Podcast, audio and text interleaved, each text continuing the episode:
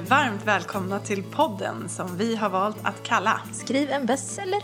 Eller en annan bok. Jag heter Ninni Schulman Och jag heter Caroline Eriksson. och nu är det måndag. Och nu är det måndag igen och här sitter vi i mitt kök och ska spela in. Vi har redan kommit till avsnitt 10. Tvåsiffrigt! Ja, yeah, yeah, yeah. Och vi ska fortsätta prata om dramaturgi. Och jag tänkte fråga dig lite grann hur din vecka har varit, men innan jag gör det. Här kommer ett litet meddelande från mig till dig. Stort grattis till Guldboken som du har fått ta Ja, emot. Tack, snälla du. Jag tänkte att du kan väl berätta lite grann vad det är som har hänt och vad det här är för någonting som du har fått ta emot, för det är någonting väldigt stort och fint. Ja, det är, det är en ny eh, utmärkelse som vårt förlag har. Jag tror att de instiftade förra året eller i år.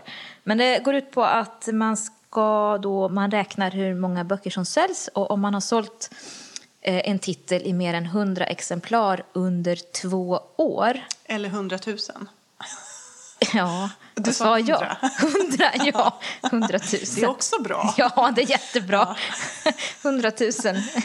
Eh, Hundratusen är lite fler. Ja, det är lite fler. Det är måndag, det, hjärnan är inte riktigt med. Men 100 000 ska man sälja då eh, totalt under två år. Och då fick jag en sån guldbok faktiskt då i förra veckan för vår egen lilla hemlighet. Och den kom ut för ett och ett halvt år sedan ungefär. Och hundratusen är ju en väldig massa böcker. Ja, det är sjukt. Ja. Hur känns det? Jo, men det känns fantastiskt. Det går ju inte att förstå riktigt. Jag blev så otroligt firad så att jag hade inte förväntat mig det.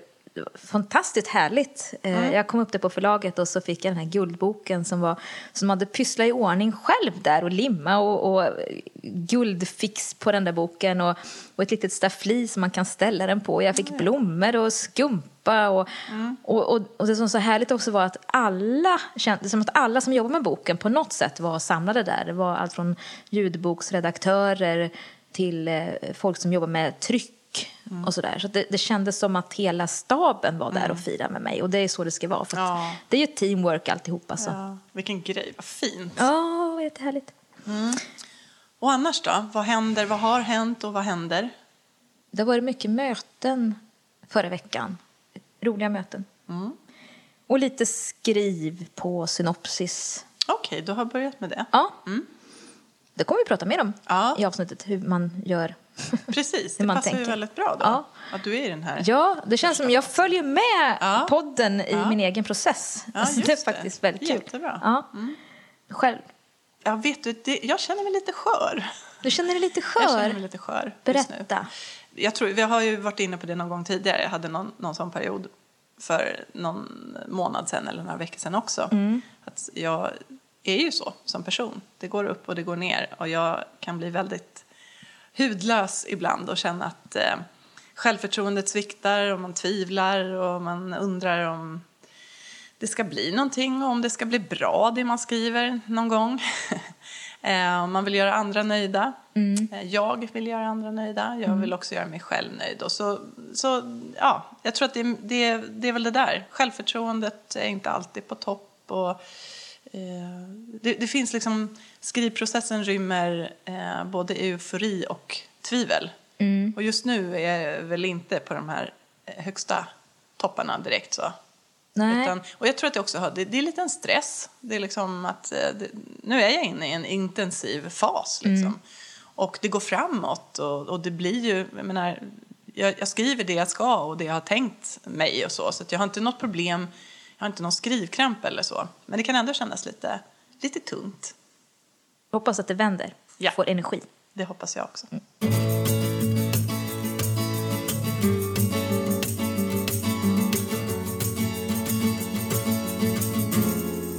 Vi eh, pratade ju eh, förra gången en hel del om det här med dramaturgi. Eh, Ska vi försöka att komma in lite mer på då hur vi själva har använt oss av dramaturgi och, hur det har sett ut längs vägen? Kan inte du börja berätta lite grann, Ninni? På vilket sätt har du jobbat med dramaturgi och dramaturgiska modeller i dina manus så här långt? Jag, jag, kan, jag kan säga så här att, att eh, jag har inte vid något tillfälle gått efter enbart en enda modell som jag har följt så. Eh, däremot så har det funnits ett tänk kring hur hela tiden en fråga, hur får jag det här spännande? Hur, hur får jag drivet framåt? Hur, någon vändpunkt, man måste överraska och så vidare. Liksom. Så att det har ju funnits ett tänk hela tiden. Jag minns eh, de första anteckningsböckerna för Flickan med snö i håret så här gjorde jag tidskurvor, liksom, hur jag skulle lägga upp det så att jag skulle kunna hitta vändpunkter på vissa ställen och så att jag får ett grepp om, om historien. Men jag gjorde inte något synopsis riktigt på det jag antecknade då, utan jag, jag, skrev ändå, men jag hade det som ett stöd så jag visste ungefär vart jag var på väg. Jag brukar se det som att jag har en orienteringskarta mm. som, som med, med olika punkter då som man ska förbi. Men vi, jag tror det var min tredje bok. De flyttar ihop lite grann nu. Men ja, jag tror att det, det var så, så många. Nu. Ja, det är så många. Nej, men framförallt så känns det som att det har gått väldigt fort att skriva dem så att jag blandar ihop lite. Men jag har för mig att det var Svar om det hör mig som inför den boken så hade min redaktör varit på ett seminarium i London. Mm. Ett dramaturgseminarium och kom hem lite nyfrälst sådär. Och jag blev också lite frälst av det här och jag tänkte att nu ska jag också lägga ner jättemycket tid på förarbete. Och då skrev jag ett, ett eh, synopsis väldigt noggrant, scen för scen. Och enligt den här modellen då så skulle man också dela in manuset i tre akter med tydliga vändpunkter då mellan varje akt. Och jag skrev det här väldigt noggrant. Och det, jag tror att det, det hade ett, ett bra syfte ändå. Men sen så märkte jag att jag tyckte det var lite tråkigt att skriva utefter det. Mm. Då hade jag bestämt allting innan, eh, så jag frångick det där lite grann. Mm. Men det var ändå härligt att ha provat på det. Mm. Vad var fördelarna med det då? Fördelen var ju att jag faktiskt tänkte igenom saker innan jag skrev. Mm.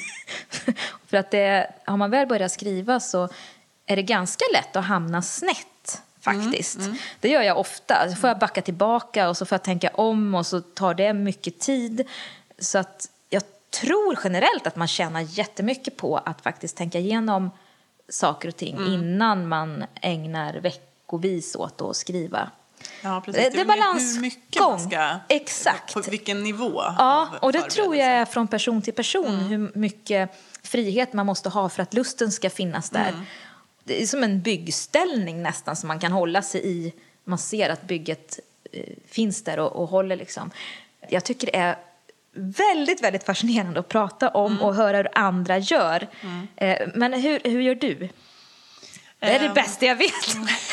ja. Alla tips mottages tacksamt. Ja, men precis. Jo, men det är jätteroligt. Jag tycker också det är jättespännande. Och jag har nog gått från en ganska omedveten eller intuitiv process till en process som faktiskt blir allt mer medveten och, och så. Och det är ju lite intressant för förra i förra avsnittet så, så var ju vårt råd mm. att verkligen tänka igenom det här med dramaturgi, speciellt när man är debutant. Det gjorde inte jag riktigt. Däremot så, så tror jag att det intuitivt fanns ju med mig väldigt mycket. Alltså, ja. Jag har läst otroligt mycket, jag hade liksom skrivit andra manus då, som hade blivit refuserade. Så jag hade väl någon, någonting i, i ryggmärgen i alla fall. Men med de första två böckerna då, Djävulen hjälpte mig och Inga gudar jämte mig, mm. de byggde ju på verkliga händelser och verkliga personer. Mm. Och då jobbade jag eh, och det har jag faktiskt gjort med alla mina böcker. Eh, jag är väldigt visuell mm. och väldigt analog. mm. Så att jag jobbar med eh, A3-ark. Mm. Stora såna A3-ark som jag klistrar upp post-it-lappar på. Mm. Och de här post-it-lapparna markerar ju då scener eller kapitel eller mm. så. Och med de här två första böckerna då, då då var det liksom i princip bara från A till Ö, de här, mm. de här lapparna. Jag hade inte tänkt igenom var det fanns brytpunkter eller sådana här saker. Utan jag bara visste, här började ja. och här slutade. De här sakerna ska hända emellan. Mm. På sätt och vis då, så då var ju verkligheten både en ram och, och en trygghet och en begränsning. Mm. Så. Och så fick man ju jobba med att försöka göra det spännande inom de ramarna. Mm. Eh, och sen hade jag ju en massa research som jag var tvungen att plotta in på olika ställen. Eh, men det var i princip det hela. Mm. Sen när jag kom då och skulle skriva De försvunna. Mm. Då, då, hade du full frihet. ja, då hade jag full frihet verkligen. Ja, på gott och ont. På gott och ont igen, ja. Mm. ja. Men för mig blev, var det väldigt på gott. Jag, var, jag var som, skrev som besatt nästan när jag skrev den boken. Jag kände en sån enormt rus. Liksom, att är det så här det kan vara? Man får faktiskt vara helt fri. Det är det här som är att vara författare. Det var liksom en sån här nyförälskelse nästan. att Wow! Men därmed inte sagt att jag bara skrev helt på känsla. Utan jag hade även där ett sånt här A3-ark och sen så hade jag, där, där började jag tänka igenom tydligt liksom en, en treaktsstruktur med då tydliga vändpunkter. Jag tog faktiskt fram den här, jag har kvar den, eh, det arket. Så jag tog fram den nu när vi skulle spela in och titta igenom. Och då har jag ju skrivit då, delat upp de här tre akterna. Så har jag skrivit vad jag vill att läsaren ska tro. Ja. För det, det handlar ju om två personer som försvinner och i olika skeden av berättelsen så vill jag att man ska tro olika saker. Hur kan det här ha gått till? Och då hade jag skrivit så. Det här är vad jag vill att läsaren ska tro i akt 1 och så akt 2 och så akt 3. Eh, jag har också skrivit hur tillbakablickar ska portioneras ut. Lite grann hur olika personer ska presenteras och, och um, uppfattas och, och så. Men det var i princip allt. Sen skrev jag, under tiden som jag skrev så gjorde jag det konkretare under, alltså medan jag jobbade med akt 1 så hade jag då de scenerna ganska konkret för mig. Men, jag, men akt 2 var fortfarande Okej. lite luddigare då, Ja. på övergripande nivå. Så när jag kom till den så, så började jag spalta upp då på kapitelnivå eller på scennivå. Så.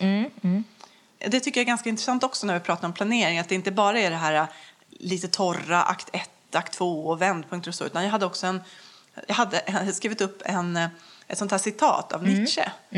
Den som stirrar in i avgrunden länge nog Ja. kommer snart att finna att avgrunden till slut tittar tillbaka på, på, på en själv. Ja. Ungefär så är det här Ja. citatet. Och den, det var för mig en, en, en det satte en ton. Mm. Att sätta en ton för sitt projekt. Liksom. Att det här var det jag ville skulle skina igenom i hela Ja. boken på något vis. Så den hade jag också med mig. Ett sorts tema, fast sorts en, en tema. känsla. Ja, precis. Så så ungefär hade jag det. Dels liksom konkret vad som skulle hända. Men också att jag hade bestämt mig för en, en ton eller ett tema eller en känsla. Så. Det tror jag är jättebra, så att man har någonting att... När man har kommit in i sitt skrivande lite grann, då kan det lätt bli så här, vad, vad är det jag skriver om egentligen? Men om man då har något tema eller en ton eller en viss känsla, att man liksom samlar ihop sig. Ja, men det är det här jag ska berätta. För det är det dramaturgi handlar om väldigt mycket, att ha en, en väg, en, en riktning med, med berättelsen. Och då kan man inte berätta om allting, utan då, då gäller det att man vågar sålla bort också och bestämma vad, vad är det som Ja, är viktigt egentligen här.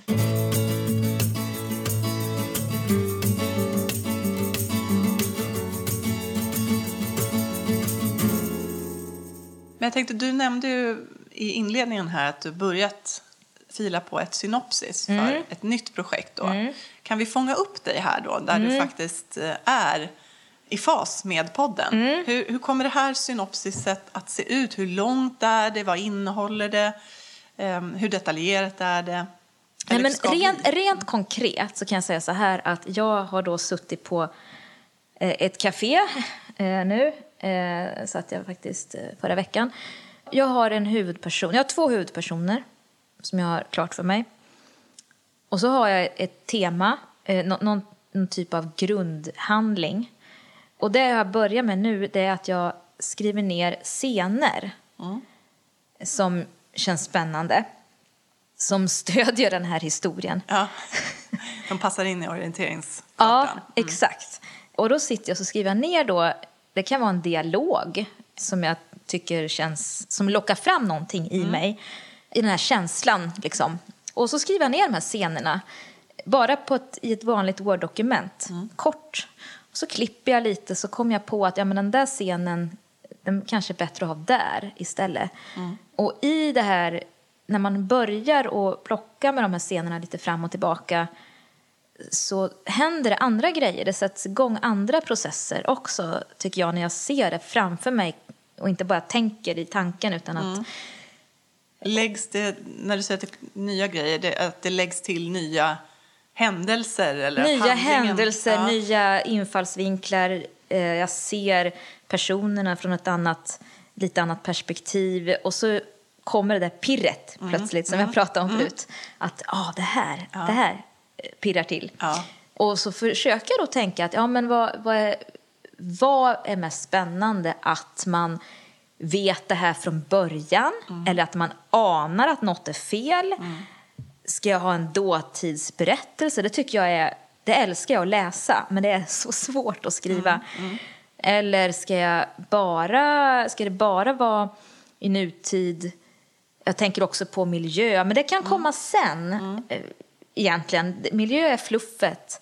Om inte miljön är så stark att man, man känner att jag måste skriva någonting som utspelar sig på den här orten eller någonting. Men, men egentligen kan ju en berättelse utspela sig lite var som helst.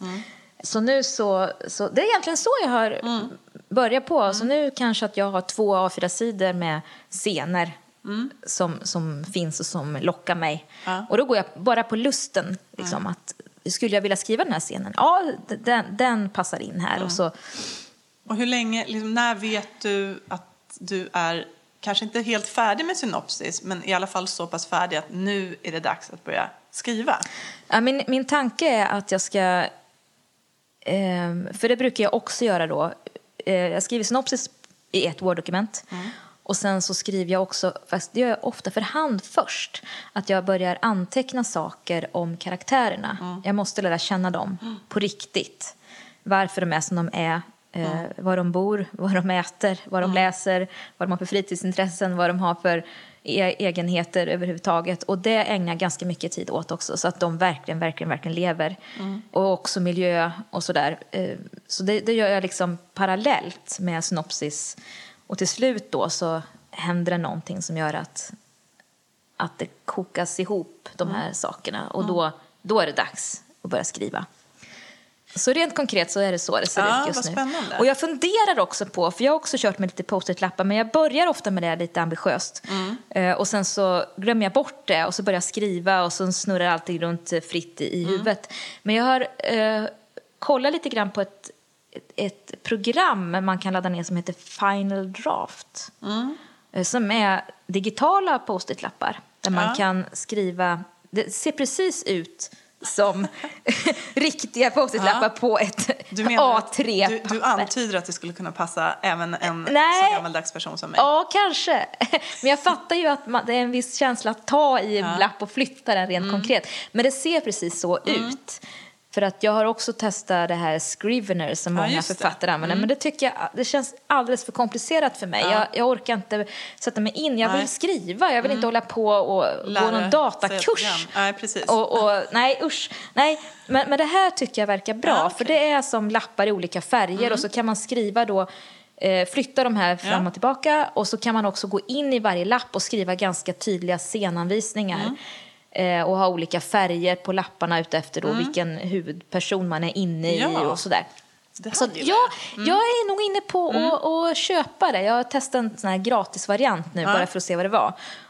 Och jag kommer nog att slå till. Ja. Vi får se, kanske Ja, nästa det vecka. Låter spännande. Ett- Det låter jättespännande, för precis så här jobbar jag just nu. Mm. Jag har tre personer i den här, det här manuset som, jag är, som är under arbete. Mm. Och då, de här post-it-lapparna är tre olika färger som jag har. Så att det där låter ju jättespännande. Ja. Men ehm, eh, jag, jag kan bara tillägga liksom att hu- hur jag jobbar nu, för jag har ju, det är så mycket Mm. eh, som jag jobbar med parallellt när, när jag tänker på dramaturgi och, och bygger upp det här manuset. Att jag har den här, det här arket, det har Ja. jag nu också då, precis som jag haft tidigare. Ja. Även där tänker jag väl utifrån någon form av treaktsystem. Mm.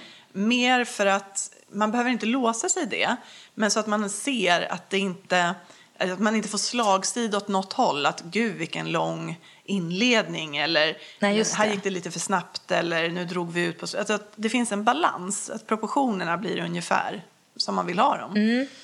Men sen också för att jag jobbar ju ganska mycket med såna här, och det gör ju alla författare på ett eller annat sätt, men man vill överraska och det ska vara vändpunkter. Och i, i mitt fall är det väldigt tydligt att det ska vara vissa saker som läsaren ska få reda på som kanske ändrar hur man såg på en person tidigare eller sådär. Och då vill man också, eller jag vill då, eh, för, fördela ut de här avslöjandena om vi säger så. Och då tycker jag det är väldigt fint att kunna se det här visuellt, så att allting inte staplas på varandra och liksom tjong i akt tre, då kommer eh, slag i slag på varandra alla stora grejer, utan att det liksom portioneras ut lite grann. Ja. Så att man håller intresset uppe. För det är ju också den dramaturgiska eh, kurvan. Ja. Eh, att, att liksom portionera ut saker och ting vid rätt tillfälle. Det är lite timing. Ja. jag. Så, så den har jag då av den anledningen för att kunna se.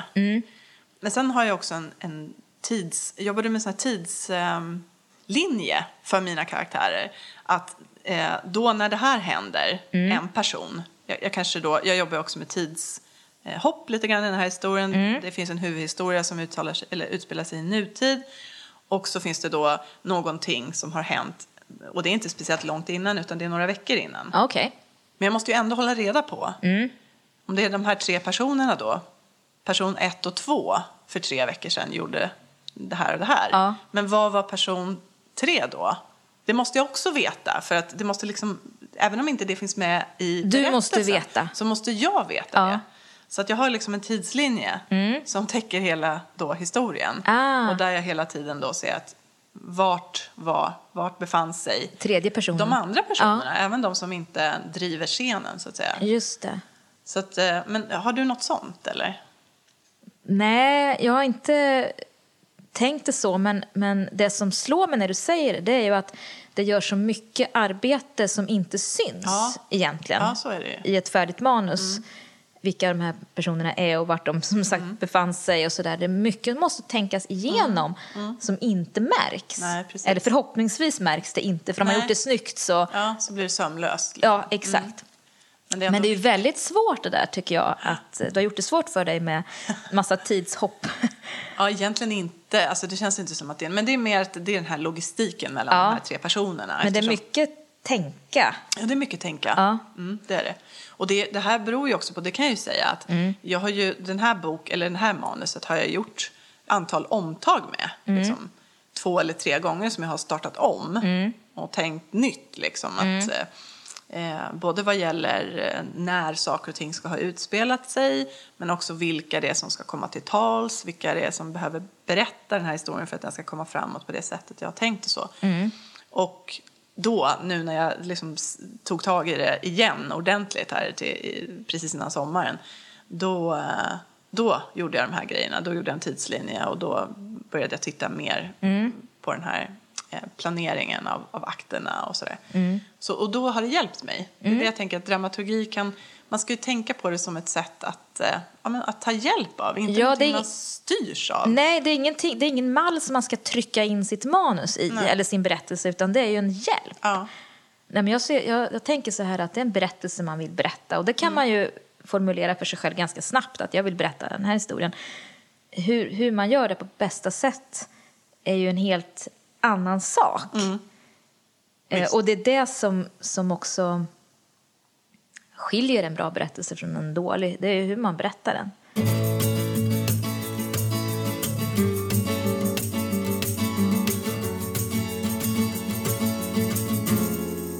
Om vi ska gå vidare och prata om dramaturgi på en mer konkret nivå. Nu har vi pratat om ett helt manus och, och kurvor upp och ner lite grann så. Men om man ska se scen för scen, hur, hur ska man tänka då? Har du något tips? Ja, som av en händelse har jag det. eh, jo, men jag tycker, när man går ner på, liksom, i varje scen, jag tror jag sa det i något tidigare avsnitt, det som är viktigt tycker jag, det är att varje scen som är med i manuset måste finnas där av en anledning. Det måste finnas ett syfte. Vad är syftet med den här scenen? Det övergripande, alltså det självklara syftet är att den ska bidra till att föra handlingen framåt. Att någonting händer i den här scenen som gör att vi rör oss framåt. Eh, men man kan också använda en scen för att liksom, lära känna eller fördjupa vår kännedom om en karaktär. Men eh, då ska man gärna visa på lite olika delar av den här personen så att man inte man behöver inte tre scener där man visar att den har för vana att komma för sent till möten kanske utan det kanske räcker med en och sen kan man plocka upp det senare och sådär. Kan man hinta om det Ja, lite precis. på ett annat sätt sen? Ja. Eh, så det är väl det ena. Och sen tänkte jag faktiskt på när vi... ehm, ett, ett sånt här råd som jag tycker är ganska bra. När man, för vi pratar om att dramaturgi också är att välja. Man väljer var man börjar och slutar och man försöker att fokusera. Och då ett råd som jag tycker är väldigt bra när det gäller just det här konkreta scenarbetet. Eh, det är att man ska komma sent och gå tidigt. Att man tänker på att inte dra ut på en scen eller ett kapitel mer än nödvändigt. Utan att det är betydligt mer dramaturgiskt effektivt Mm. och tilltalande. Att läsaren liksom lite kastas in i en scen där det redan händer någonting. Ja. Och sen så lämnar man också scenen eh, innan det liksom har börjat klinga av alldeles för mycket så. Just det. Eh, sen, naturligtvis som med allting, man måste ha lite fingertoppskänsla. Men det är ett ganska bra råd tycker jag. Ja. Vad har, du, har du några sådana Ja, men, men just på det, på det temat, det känner jag igen från när jag gick journalistutbildning. Eh, då fick man lära sig att om man ska skriva reportage, till exempel då, en intervju med någon person, så, så ska man liksom inte börja artikeln med att beskriva hur det var att ta sig dit till den här intervjuplatsen Ja, och man kom för sent och det regnade och, och du, massa sånt där. Utan man ska börja när det börjar. Ja. Eh, Läsaren är inte ett dugg intresserad av journalistens trassliga väg Nej. till mötesplatsen.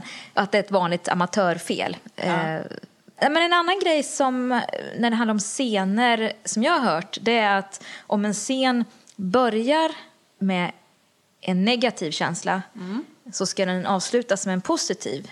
Eh, och tvärtom. Om det är harmoni i början av scenen så ska det hända någonting som gör att det är disharmoni i slutet av den. Man ska inte ha samma känsla hela scenen utan någonting ska, någonting ska Ja, förändras det. i scenen. Förutom att det ska tillföra hela huvudhistorien någonting så ska det vara någonting.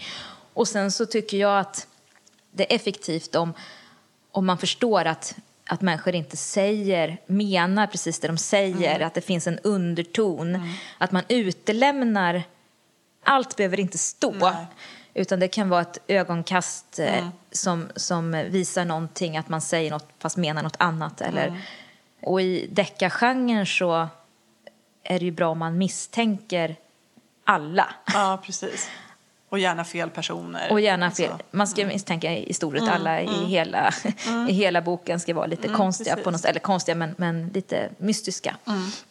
Nej, men så det, det försöker jag jobba med, att det finns en konflikt. Ja, som, precis. Det, det ska inte vara att folk som sitter och äter middag och säger åh vad gott det var älskling, ja verkligen älskling, utan då ska de inte mena det. Nej, just det. Det ska finnas något som bubblar under ytan här. Ja, eh, stryk allt sånt där Ja. gulligull om det inte är absolut nödvändigt. För, För då ska det hända någonting någonting. Mm. då ska det hända någonting i nästa scen som gör att det finns ett syfte med det här gullandet. Men att bara beskriva trevlig samvaro är, Mm. det, det, det tycker jag man ska vara försiktig med. Ja, låta bli. Ja, men det måste finnas ett syfte. Man måste veta varför. Varför är det här viktigt att beskriva? Det, det är klart att det är viktigt att beskriva att om det är en familj som sitter och, och alla är rara mot varandra, om det helt i nästa sekund kommer in någon ehm, och skjuter dem allihop. Ja. Då, då finns det en vits med det. Men då ska man som läsare förstå att den här idyllen kommer inte att vara så särskilt länge. Det ska finnas en Björnen på stranden, som de, ett annat begrepp, har du talat om det? Nej, du det känner jag faktiskt inte igen. Nej. Nej, men det, det är också en sån här dramaturgisk anekdot att eh, om man beskriver en familj som är och, och badar eh, en solig dag på stranden det är skittråkigt att läsa om om det inte händer någonting. Men om man vet att det finns en björn i skogen Ja, intill, då. då blir det spännande. Då, då varje, varje gest Ja. är viktig. Varje kärleksyttring är viktig och man vet att snart kommer björnen.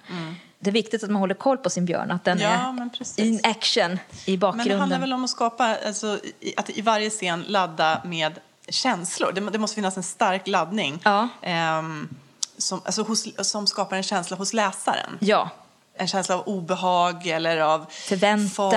eller fasa. förväntan. Precis, det behöver inte bara vara de här, de här spänningshistorierna. Att man ska skapa någon form av fasa eller obehag eller, eller liksom, ehm, olust eller vad det kan vara för någonting. Utan det kan ju också vara lika gärna att man skapar en förväntan och gud det här blir nog bra och nu Ja. kommer ju de här två snart träffas och gud vad det blir spännande. och så gjorde det. de inte det i nästa Nej. scen, men kanske i nästa. ja, hoppet. liksom. Hoppet, nyfikenheten, drivet. Jag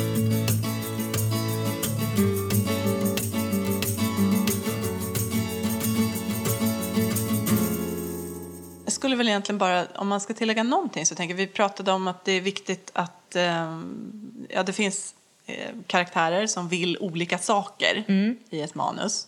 Och, alltså att det finns en konflikt. Och att man måste veta vad är då respektive karaktärs motivation. Alltså vad är det de vill för någonting. Ja. Men, men sen tycker jag att, för mig i alla fall, så tänker jag också jättemycket på ett steg till där på något vis. Att inte bara vad är det de vill, utan varför. Det, och det känner jag mycket att jag, det, det har jag nu faktiskt. Det är därför jag tar upp det, för jag har det så, så nära. Eh, att jag, jag känner väldigt mycket i mitt skrivande just nu att jag måste vara väldigt nära de här personerna och inte bara liksom tänka, jag vet vad hon vill, den här personen som har kommit hem till en annan person just nu då. Men jag måste också förstå varför. Och jag, jag känner att jag har väldigt behov av att förstå varför hon både gör och säger... Liksom hon kan inte bara göra och säga en massa saker när, Nej. hon är hos den här andra personen. Utan det hon säger och det hon gör, det ska verkligen stå för eller uttrycka. Det måste finnas ett varför. Varje karaktär måste ha ett varför. Så känner jag väldigt Ja, ja, men det har du verkligen rätt i. Vi ska ju prata om karaktärer mer Mm. i en fas framöver här. Precis. För det tycker jag är väldigt viktigt Mm. för det, det den stora skillnaden mellan flipp eller flopp, Mm. tycker jag, i ett manus. Om, om man tror på karaktärerna och förstår dem, Mm. varför de, precis som du säger, varför de gör som de gör. Och att man faktiskt tänker igenom det innan man börjar Mm. skriva. Och sen påminner sig hela tiden, ja just det, men, men han är ju sån, det är ju därför. Eller det, det, därför att det här har hänt som hon gör så här hela tiden. Att man, att man är i dem. Just det. Ofta är det också mycket sånt man faktiskt jobbar med sen när man redigerar också. Och det kommer vi också att prata om. mer Ja, det om kommer vi prata mer om. För man kan ju fördjupa det här hela Ja. tiden och, och skala bort och förstärka. Det är det som är magin i det här. Ja, precis.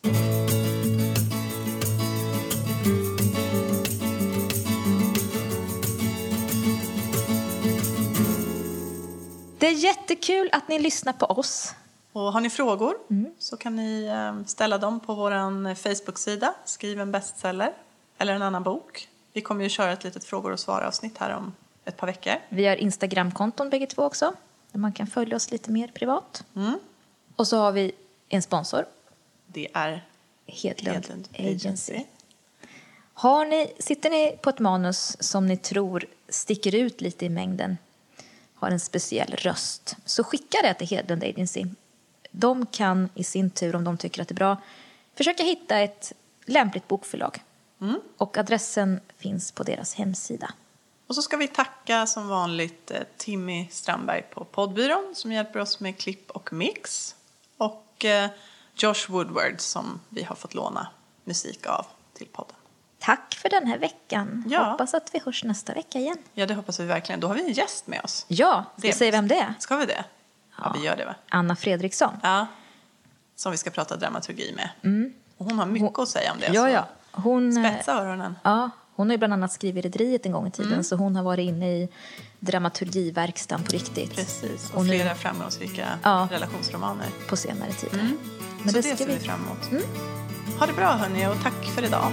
Tack Caroline! Hej då! Hej! A sticky summer's day in Shepherdstown. In a thermal is a circling round like a tire on a bike rolling down Columbus Street. But Katie got a little look of hope in her eyes and her arms unfold and she looked to the skies and said, I'm gonna learn to fly around with you, yeah. She jumped up high and she fell to the ground and skinned her little knee and made a horrible sound. She got right up and she tried it again and smiling all the way with her unstoppable grin.